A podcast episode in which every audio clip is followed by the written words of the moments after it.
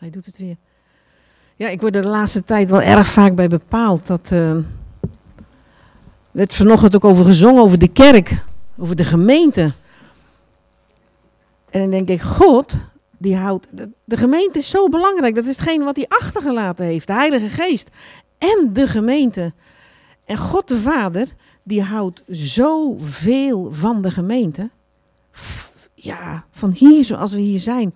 God houdt van de gemeente, omdat het het lichaam van zijn zoon is. Want hij is het hoofd. Ik zei gisteren ook nog van als ik dit doe, dan doe eigenlijk mijn hoofd. Uit je hersens gaat het, komt het voort. Dus dit verlangen hebben we ook dat God, Jezus, het hoofd van het lichaam, ook de, alles aanstuurt bij ons. Maar daarbij komt nog, dat las ik dan nu weer, dat we samen ook een, een, een woonplaats vormen waar God kan wonen. Een woonplaats bouwen we samen voor God in de geest. En Jeruzalem, dat betekent eigenlijk een plaats waar God woont. En wij zijn met elkaar eigenlijk dat nieuwe Jeruzalem. Een plaats waar God woont in de geest. Zo belangrijk is het.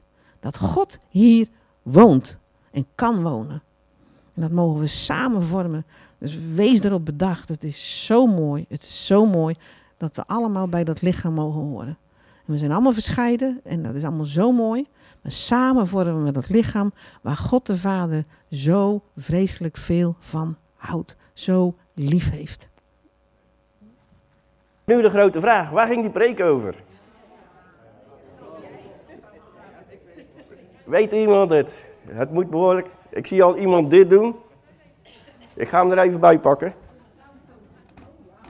Nee, dit kan je geen trouw. Ik ga nu niet opscheppen over mijn vrouw deze keer, jongens. Dat heb ik al genoeg gedaan. Hè.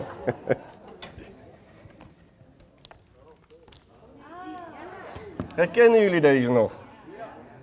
Wie van deze, mm, ja, in de zaal herkennen deze en heeft die ondertekend? Kijk, gaaf. Het is de resolutie. Nou, um, waarom? Mijn broer die is uh, bezig met kampvuuravond weer op te zetten. En kampvuuravond heeft mij een deel van mijn leven, of eigenlijk mijn leven, best veranderd. Met name om deze resolutie. Uh, want zes weken voor, daarvoor, toen ik mijn eerste preek hield, hadden we een kampvuuravond. En het was een bijzondere kampvuuravond, want we hadden geen kampvuur. Dat is hier. Maar we hadden de boerderij van Pieter Jan, de schuur hadden we omgebouwd tot bioscoop. En we hadden van strobalen hadden een tribune gemaakt, dat de mannen daar konden zitten. We hadden een scherm, een beamer, geluid en warme chocolademelk, want het was winter. En we hebben de film Courageous mogen kijken met z'n allen. En ik weet niet of jullie Courageous kennen. Een superfilm, elke man zou die moeten zien. Maar het gaat over vier mannen. Het zijn vier politieagenten en die trotseren elke dag hun leven of hun dagelijks leven voor gevaarlijke situaties om anderen te helpen. Maar dan komt hun gezin ook in gevaar. Ze beleven dingen met hun gezin. En dan komen, ja, komen hun vaders oog in oog, in, eh, oog in oog te staan met hun eigen angsten. Maar ook in hun geloof. Wat doen ze met hun geloof? En dan nemen ze uiteindelijk, nemen die vaders nemen een beslissing ja, die hun gezin voor altijd zou veranderen. En dat is dan de resolutie. En ik ga vandaag niet door heel deze resolutie lopen. Als jullie hem graag nog willen en je hebt hem niet, ik heb er nog zeker nog een aantal liggen. Maar op deze resolutie staan twaalf punten die we toen behandeld hebben. En het gaat eigenlijk meer, ja, wie je bent als vader, maar wie ben je als man in je omgeving. En die tekst op de resolutie begint ook, ik en mijn huis, wij zullen de Here dienen. En de resolutie sluit af met een belofte.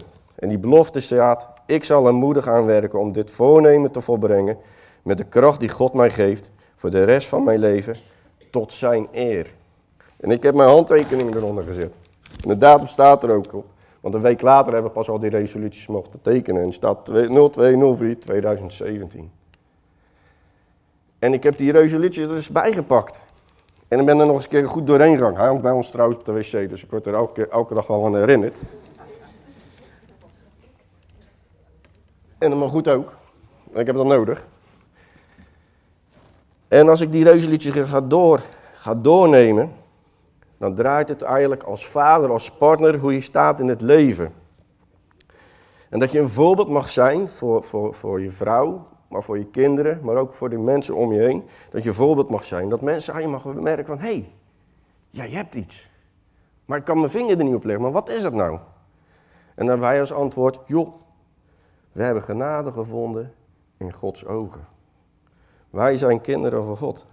En dat is eigenlijk de preek die, de thema van de preek vandaag. En het thema is, let op, dan moet ik even doorscrollen natuurlijk, ik vergeet dat altijd. Ziet hij mij, zie ik jou. En let hierop alsjeblieft op de hoofdletters. Ziet hij, hoofdletter, God, zie ik, ik, jou. En ik ga jullie meenemen. Ik zou vandaag de kampvuuravond promoten. Dus ik denk, nou, ik ben met mijn Bijbel gegaan. Ik ben naar David gegaan, naar Joab gegaan. Allemaal sterke mannen. Simpson, die de, die, die de Filistijnen verslaat. Uh, sterke vestigingen namen. Uh, stoere verhalen. Uh, maar nee. Vandaag kom ik met een romantisch verhaal voor de dames. dus ik kan niet altijd. Maar goed, de kampvuuravonden daar komen wel die sterke verhalen en die komen altijd van God. En ik heb het romantische verhaal op mijn hart gekregen over Boas en Rut. En het is iets wat heel dicht bij mij staat, want ik kunnen er zoveel uit leren. Nou, even de geschiedenis schetsen van, uh, uit die tijd. Boas en Rut leefden in de tijd van de rechters. Nou, rechters, hè, ze, uh, het volk van Israël is Kana ingegaan. Uh, ze hebben wat volken weggejaagd. Niet helemaal allemaal. En de tijd van rechters is eigenlijk een niet zo fijne tijd geweest. Het was een tijd van burgeroorlogen, een tijd van afgoderij, maar er is een, vooral een geestelijk verval. Ze verlieten God op dat moment. En wat gebeurt er uiteindelijk? Er ontstaat een hongersnood. En in uh, Israël, in het plaatsje Bethlehem, woont een gezin, Elimelech, Naomi en hun twee zoons, Machlon en Kilion. En wat besluiten die ouders? Wij gaan weg uit Bethlehem, want er is een hongersnood. Er is geen eten, wij, gaan niet weg. Er is niks meer. Dus ze trekken, pakken de spullen, maar wat gaan ze doen? Ze trekken naar een land Moab. En Moab is eigenlijk een vijand van, van, van het volk van Israël. En daar verblijven ze tien jaar. En in die tien jaar trouwen de twee zoons met Moabitische vrouwen, Orpa en Rut. En eh, na die tien jaar gebeurt er eigenlijk iets vreselijks. De zonen, Kelion en Machlon, maar ook Elimelech, sterven. Met andere woorden, Rut, Orpa en Omi blijven daar alleen achter. En vervolgens, ja, dit is, ik me voorstellen, ze hebben helemaal niks meer. Als je in die tijd als weduwe achterblijft, ja, dan ben je eigenlijk je pensioen kwijt. Want er is niemand meer die voor je zorgt als je geen kinderen heeft, hebben. In dat geval waren Rut en Orpa, die waren kinderloos. Maar op een dag besluit dan toch Naomi terug te gaan keren naar Bethlehem. Want in Bethlehem had ze gehoord dat er weer voedsel was. En uh, ze besluit, jongens, we gaan weer terug. En ze gaan op pad, terug naar Bethlehem. En onderweg stopt Naomi en die zegt tegen zijn schoondochters, schoondochters, stop. Joh, je moet niet met mij meegaan. Want ik kan geen toekomst bieden voor jullie. Een hele discussie ontstaat er. En uiteindelijk besluit Orpa te zeggen van, joh, prima, ik ga weer terug. Ik ga naar mijn eigen huis weer. En uh, ja, ik ga daar weer een nieuw gezin stichten als dat mag. Maar tegen Rut ging de discussie maar verder. En het was een, uh, dat echt Naomi aandrong van, joh, ga alsjeblieft terug, want ik kan je geen toekomst geven. Je gaat naar het land Israël, je bent weduwe, nou, je bent Moabitische vrouw, dus je staat als vreemdeling al, al daar, dus je staat eigenlijk al 2-0 achter als ze daar achter aankomt. Maar dat vind ik zo mooi, want dan zegt Rut, in Rut 1 vers 16 en 17 staat er, maar Rut zei, dringen er niet langer op aan om aan u te verlaten en terug te gaan bij u vandaan. Want waar u heen gaan, gaat, zal ik ook gaan. En waar u overnacht, zal ik ook overnachten. Uw volk Uw volk is mijn volk. Uw God is mijn God. Waar u sterft, zal ik sterven. En daar zal ik begraven worden. En hier beleidt Rut, Rut is een Moabitisch, ze heeft misschien geproefd in, het, bij in de tijd dat ze bij haar gezin, bij de schoonfamilie was, wat die God betekende. Alleen, nu krijgt Rut de keuze van, joh, ik kan je niks bieden, ga terug naar je land. Ga daar je gezin eh, stichten, waar je ook hoort. En Rut zegt, nee, ik hoor niet bij dat land meer, ik hoor bij u. En sterker nog, jouw God is mijn God. En die keuze die Rut gemaakt heeft, heeft een mega impact op haar leven, maar ook het leven dat wij vandaag hier mogen hebben. Want ik ga u laten zien wat die keuze uiteindelijk ingehouden heeft. En dit zijn de geslachtsregisters van Rut en Boas. En dan moet ik eigenlijk hier gaan staan. Boas, Rut. En daaronder staat Obed, en de naam is onbekend. Dan, een dan Izei. En dan krijg je David. Rut en Boas zijn de voorouders van koning David. En dan ga ik, hier nog, dan ga ik naar die andere kant kijken. En als je naar David en Batsenberg kijkt, twee lijnen, die komen uit bij Jezus. Dus de voorouders van de Heer Jezus uiteindelijk, in heel die bloedlijn, zijn Boas en Rut. Een vreemdelingen met iemand vanuit Israël. En ik denk, als Rut zou weten wat voor keuzes ze toen had gemaakt, wat voor impact dat zou hebben op onze hele christelijke wereld, ja, dan, had ze, dan, had dan was er helemaal geen discussie geweest. Dan had ze gelijk gewoon mee meegegaan en, en, en geen probleem meer gehad. Maar de keuze die Rut had, die had een keuze om het makkelijk te hebben, teruggaan met haar eigen land, naar de eigen familie en weer opnieuw te trouwen. Of meegaan met Naomi, ja, en niet weten waar je het belandt. En eigenlijk onderaan de samenleving komen, omdat je vreemdeling bent en weduwe best. Ik kan niet, helaas niet heel het verhaal van Rut vertellen. Ik blijf bij hoofdstuk 2, dus, want anders eh, sta ik hier nog anderhalf uur. Maar dan gaan we naar het volgende stukje kijken. En dan gaan we naar de keuzes en de beslissingen kijken die Rut maakt. En uh, ze komen aan in Bethlehem, Rut en Naomi. Maar ja, er moet ook eten komen. En dan besluit Rut in vers 2, daar zegt ze, Rut, weer de Moabitische, zei tegen Naomi, laat mij toch naar de akker gaan en aren rapen, achter hem, in wiens ogen ik genade zal vinden. En hij zei tegen haar, en zij zei tegen haar, ga, mijn dochter. Nou, aren rapen is iets, iets ja, ik, ik weet niet of jullie het nog kennen, maar dat is echt iets voor de armen. Je hebt een akker, je hebt een boer, je hebt een akker en je mocht niet de randjes afmaaien. Of als je wat liet vallen, moest je laten liggen. Waarom? Zo werd er voor de arme mensen gezorgd. Ze mochten naar het veld toe en dan mochten ze aren lezen. Dan mochten ze de aren oprapen. En zo zorgde, en het is ook in de Bijbel, in Deuteronomisch kun je dat terugvinden, dat God dat bepaald heeft, zodat er voor de arme en de vreemdeling eten was.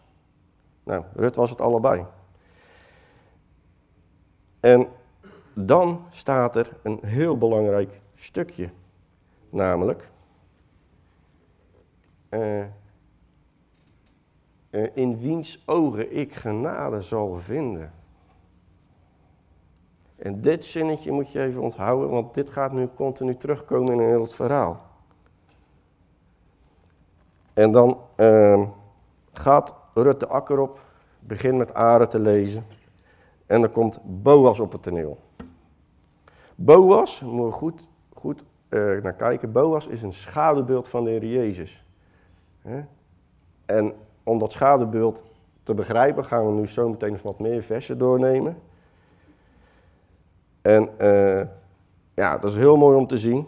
Dat Boas een type van de Heer Jezus. En Boas was een rijke man, was van een ver familie van Naomi. En zijn arbeiders zijn druk aan het uh, werk op zijn akker. En dat vind ik zo mooi. En, echt, die ga ik, probeer ik altijd toe te passen op mijn werk. En uh, de arbeiders zijn bezig. Boas komt aan om ze even controle te houden. En dan kijk ik naar zijn arbeiders en in vers 4. En zei Boas Boas kwam uit Bethlehem en zei tegen de maaiers, de Heer is met u. Nou, stel je voor, ik zit op mijn werk. Ik zit achter mijn laptopje, mijn baas komt, ik steek zijn hoofd zo in het kamertje. Hey Daaf, de is met u. Ja, fantastisch. Het lijkt me zo gaaf om dat mee te maken. Helaas heb ik dat nog niet gedaan. Maar ook de reactie van de, van van de arbeiders ook, hè. Ook in hetzelfde vers. En ze zeiden tegen hem, tegen Boas, de Heer zegen u.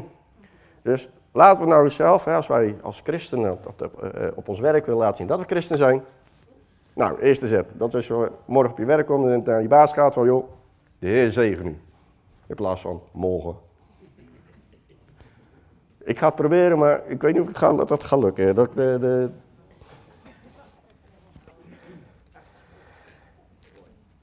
En uh, dan gaat het verhaal verder. En, en, en dan gaat dan echt ook weer iets heel bijzonders. En als ze, dat ze elkaar gegroet hadden, en dan gaan we naar vers 5. Daarop zei Boos tegen zijn knecht, die over de, de maaiers aangesteld was. Wie behoort deze jonge vrouw toe? Hij komt op het veld aan en geloof me, er zijn meerdere arme mensen in Israël. Die zijn aan het lezen op die, op die akker. En Boas ziet Rut. En dan ontstaat er een, een, een, een gesprek tussen die, uh, tussen, de, tussen die knecht en Boas. Maar het belangrijkste is dat hij zegt dat, dat Boas Rut ziet. En dat is eigenlijk een schaduwbeeld ook van de Heer Jezus wij zijn hier in deze wereld. wij horen dan niet bij het volk, net als Rut, eigenlijk als het ware. We lopen hier rond. En Jezus, die, die, die moet je voorstellen, die, die loopt dan, die kijkt over de wereld en hij ziet jou. Van al die miljarden mensen ziet hij jou. Hij kijkt jou om, hij weet wat je gedaan hebt, hij weet wat er met je speelt. Zoals Rut, zoals Boas Rut zag, ziet Jezus ook jou.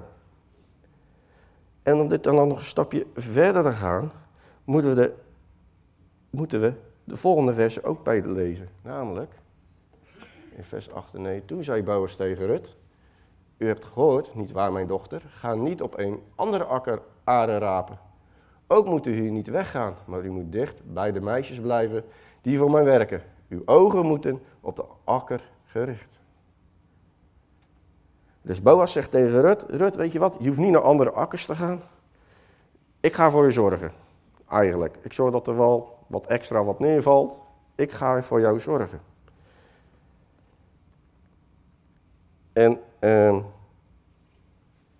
dit is ook het schaduwbeeld wat Jezus ook tegen ons zegt. Jezus, Jezus loopt over de, over de wereld en hij ziet jou en mij. Hij spreekt je aan. Joh, Ga niet naar een andere akker. Ga niet naar een andere plek. Weet je, hij zegt zelfs in, in Matthäus 11, vers 28, kom tot mij die vermoeid en belast zijn. Kom naar mijn akker toe. En Rut was, was, was arm, was een weduwe. Ze wist wat ellende was. En Boas zegt tegen haar, kom naar mijn akker, maar ga niet weg. Ik ga voor jou zorgen. En sterker nog, hou je ogen op mijn akker gericht. En dan wil ik even kijken naar die akker van, van Boas. Hè. We zeggen net van, joh, Boas is een type van de Heer Jezus.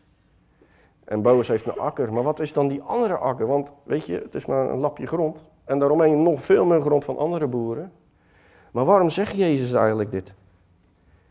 En ik wil u meenemen kijken wat de akker van deze wereld ons biedt. En dan moeten we even kijken naar een andere in het Nieuwe Testament. En die staat gelaten 5 vers 19 en 21. En en dit is het type akker van de wereld. En dan begin ik, het is bekend wat de werken van het vlees zijn. Namelijk overspel, hoererij, onreinheid, losbandigheid, afgoderij, tovenarij, vijandschappen, ruzie, afgunst, woedeuitbarstingen, egoïsme, onreinheid, afwijking in de leer jaloersheid, moord, dronkenschap, zwergpartijen en dergelijke. Dus het lijstje wordt nog langer. Nou, even aan nu de vraag vanochtend.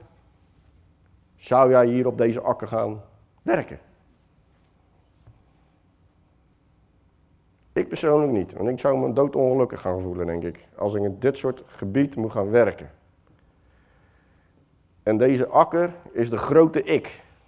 Als ik het maar goed heb. Ikke, ikke, ikke. Maar we hebben ook de akker van de Heer Jezus. En dat vind ik ook zo prachtig. Want wat, wat, is, wat zegt Heer Jezus? Als je op mijn akker gaat werken, wat dan? En dan kijken we verder in gelaten. En het staat leuk, hè? ik vind het wel leuk om ons met woordspelingen te werken. Maar de vrucht, wat groeit er op de akkers? Groeit tarwe, de vrucht. En wat groeit daar dan?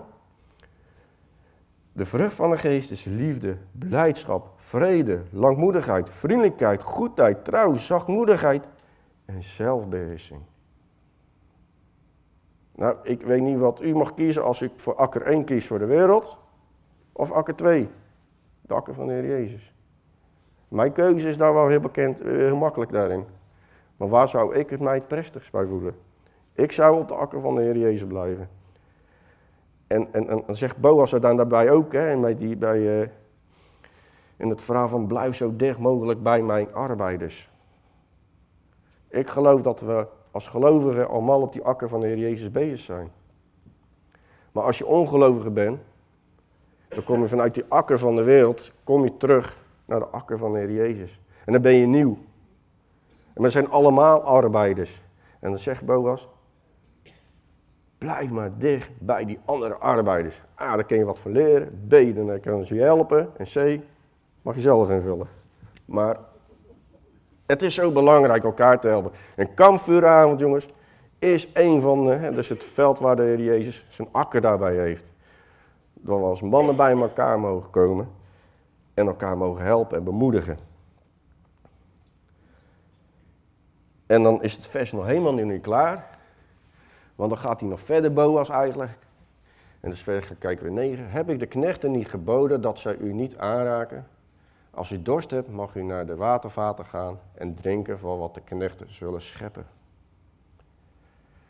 De Heer Jezus, dat is ook weer een mooi beeld. Boas gaat naar Rut en die zegt, joh, kom er maar bij. Ik ga je beschermen. Want ik zorg dat die andere arbeiders jou niet lastigvallen. Ik zorg dat die andere arbeiders of die andere akkers jou niet kunnen lastigvallen. Want je bent dicht bij de andere arbeiders. Dus, en dan zegt de Heer Jezus ook, kom op mijn akker werken, dan kan ik jou beschermen. Maak die keuze van mij, dan kan ik jou helpen, kan ik jou doen. En uh, het is niet zo, ik ga nu naar die andere akker en allemaal problemen zijn opgelost. En we leven in een gebroken wereld. Maar ik geloof wel dat de Heer Jezus jou gaat helpen met die problemen. Of helpen met de moeilijke dingen van het leven. En dat is zo mooi, dat de Heer Jezus zegt, kom maar. En mooi, hij geeft ook andere arbeiders om jou te helpen met beschermen en elkaar ja, in een gemeenschap te vormen. Ik vind de kerk is een heel mooi voorbeeld daar ook van. Wij zijn niet bij elkaar. Christenen onder elkaar. En als iemand dan binnenkomt die niet gelooft, zou die aan ons moeten kunnen merken van wauw, wat is het hier, eh, wat voor warm bad mogen we komen. Het tweede wat er in deze tekst voor mij ook heel erg opvalt, is dat ze naar de water mag, water mag gaan om te drinken. Het water was voor die tijd, hè, dan moesten ze met kruiken moesten ze water, water, uh, water vullen in de kruiken. En er moest wat voor gedaan worden. Dus dat kostte arbeid, kost tijd, kost geld eigenlijk. En die kruiken water waren puur alleen voor de arbeiders om daar water te drinken. Maar Boas ziet de Rut. Boas biedt bescherming. Maar Boas zegt van, joh, als je dorst hebt, dat maakt niet uit. Misschien ben je niet een van mijn arbeiders, maar je mag drinken van het water. zo is het ook bij Jezus. En die zegt ook van, Jezus zei tegen hen, vergeet de teksten. Ik had hem toch goed. Jezus zei tegen hen, ik ben het brood des levens. Wie tot mij komt zal beslist geen honger hebben. En dan komt hij, en wie in mij gelooft zal nooit meer dorst hebben. Dus we mogen op de akker van de Heer Jezus werken. Hij geeft ons drinken, want we zullen nooit meer dorst hebben. Hij zorgt voor ons, hij beschermt ons. Alleen moeten we er alleen een keuze maken. En die keuze, we gaan wel wat verder op ingaan hier.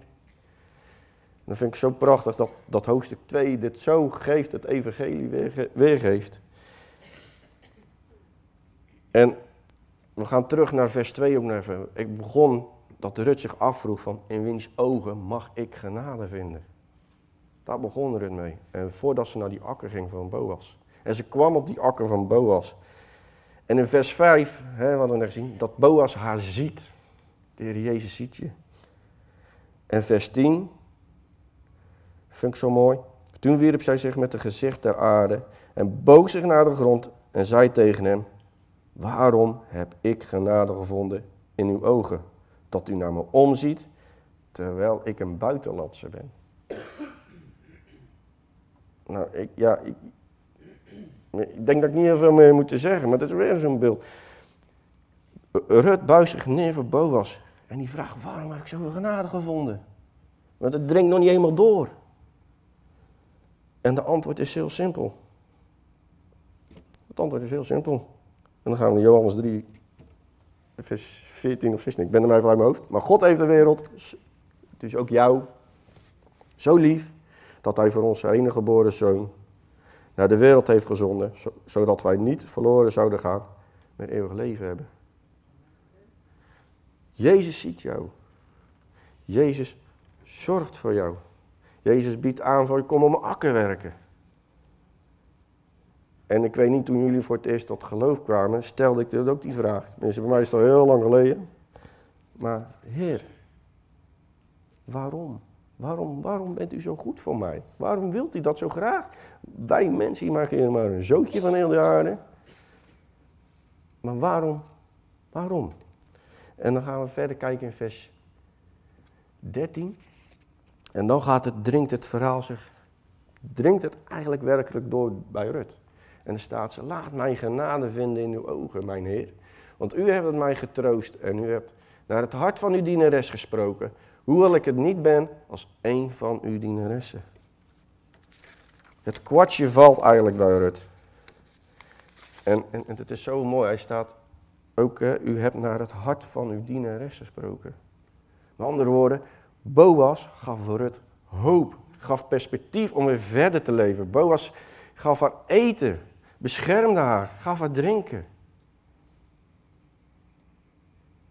En die hoop is zo belangrijk, want het geeft je kracht om door te gaan in het leven. En dat is ook weer zo'n mooi, mooi, mooi schaduwbeeld. Hè? Jezus staat met zijn armen, armen wijd open naar ons. En dan pak ik kijk naar het verhaal van de verloren zoon. En staat de vader, hè, de zoon gaat weg. Die zegt, joh, ik, ik weet het beter. Ik ga wel zelf voor mij zorgen. Hij maakt er een zootje van. En hij besluit die zoon terug te keren. En wat doet die vader? Die vader staat op de uitkijk naar ons. Die staat te kijken, waar is die verloren Waar is mijn zoon? Waar is mijn zoon? En op een dag komt die zoon weer terug aan. Hij sluit hem in zijn armen. En geeft hem nieuwe kleren en al. En dat is dat die zoon genade heeft gevonden in de ogen van zijn vader. En als wij terugkeren, laat God zien dat hij ook jou troost. Hij geeft je hoop, want je mag weten dat je na dit leven een eeuwig leven mag hebben. En hij vraagt ook aan je, blijf op mijn akker. Dus ik wil u vanavond, vandaag twee vragen stellen. En de allereerste vraag, heeft u al genade gevonden? Heeft u genade gevonden in de ogen van God? En ik hoop dat iedereen zit, dat iedereen ja zegt, dan kunnen we gelijk naar de tweede vraag. Maar als het niet zo is, alsjeblieft, ga niet die deur uit voordat je het wel gevonden hebt. Want het bepaalt eindelijk jouw eindbestemming. En de tweede vraag heeft heel veel te maken, zie ik jou? Als u genade hebt gevonden in de ogen van de arbeiders, of van, of van een, Gods ogen, dat, dat je genade hebt gevonden in Gods ogen. En dat je op Gods akker mag werken, dat je bij Heer Jezus mag horen. Hebben dan andere mensen, je medemens, genade gevonden in jouw ogen?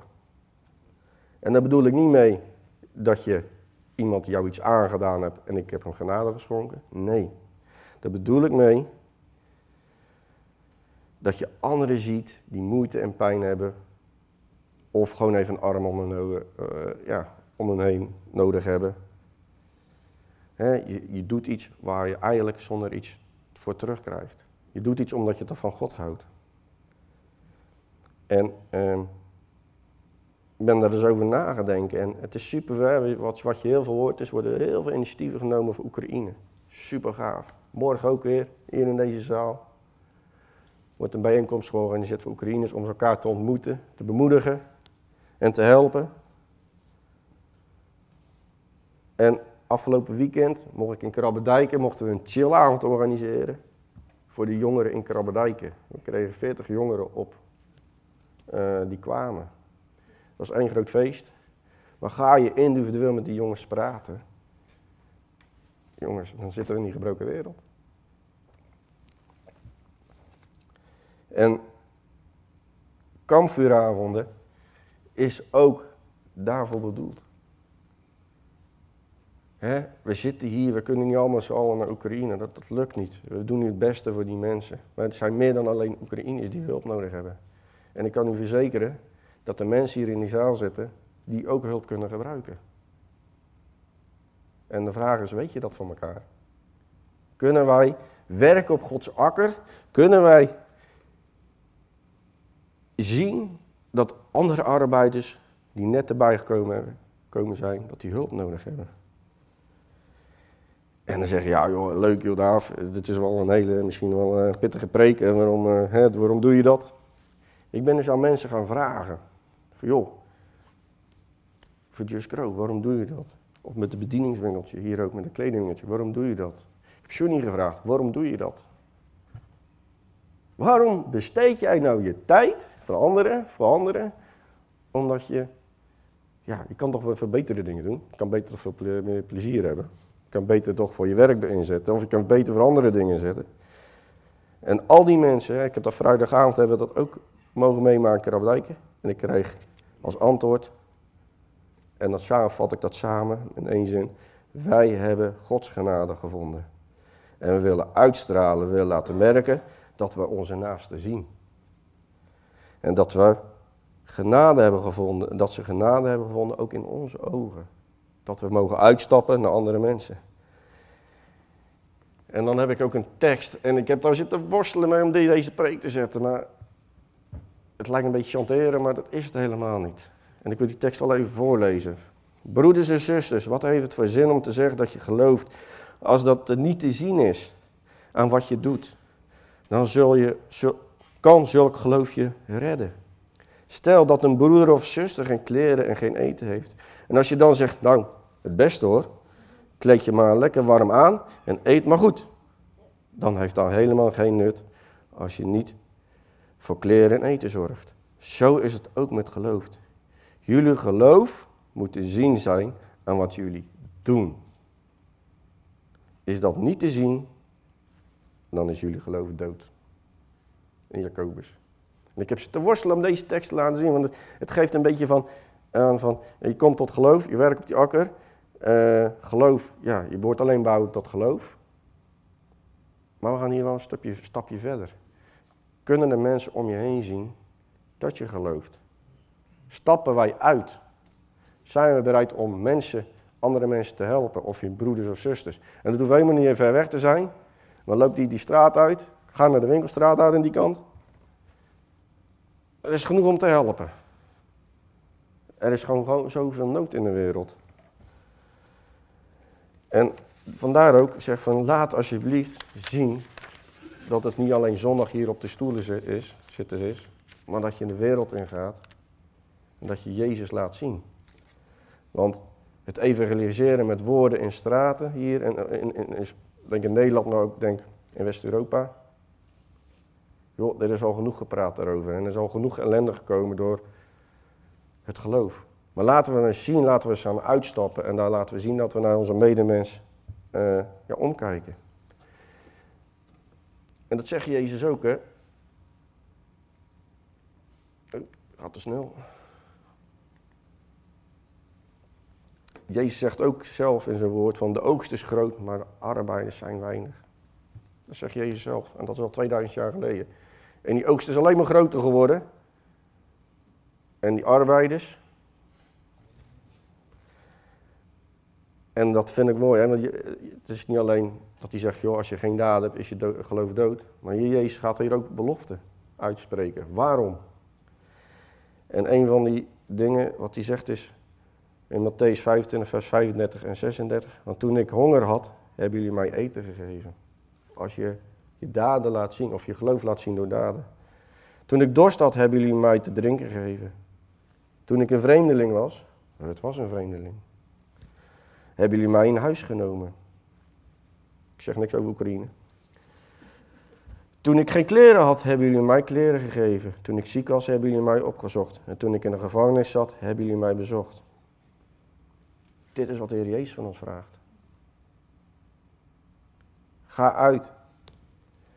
En wat is de belofte die, was dan de belofte die erop volgt? Want dit is. En die zegt, die zegt de Heer Jezus ook tegen die mensen. En de koning zal zeggen. En dat is het moment dat de Heer Jezus terugkomt. En het oordeel gaat plaatsvinden. En die zegt: luister goed.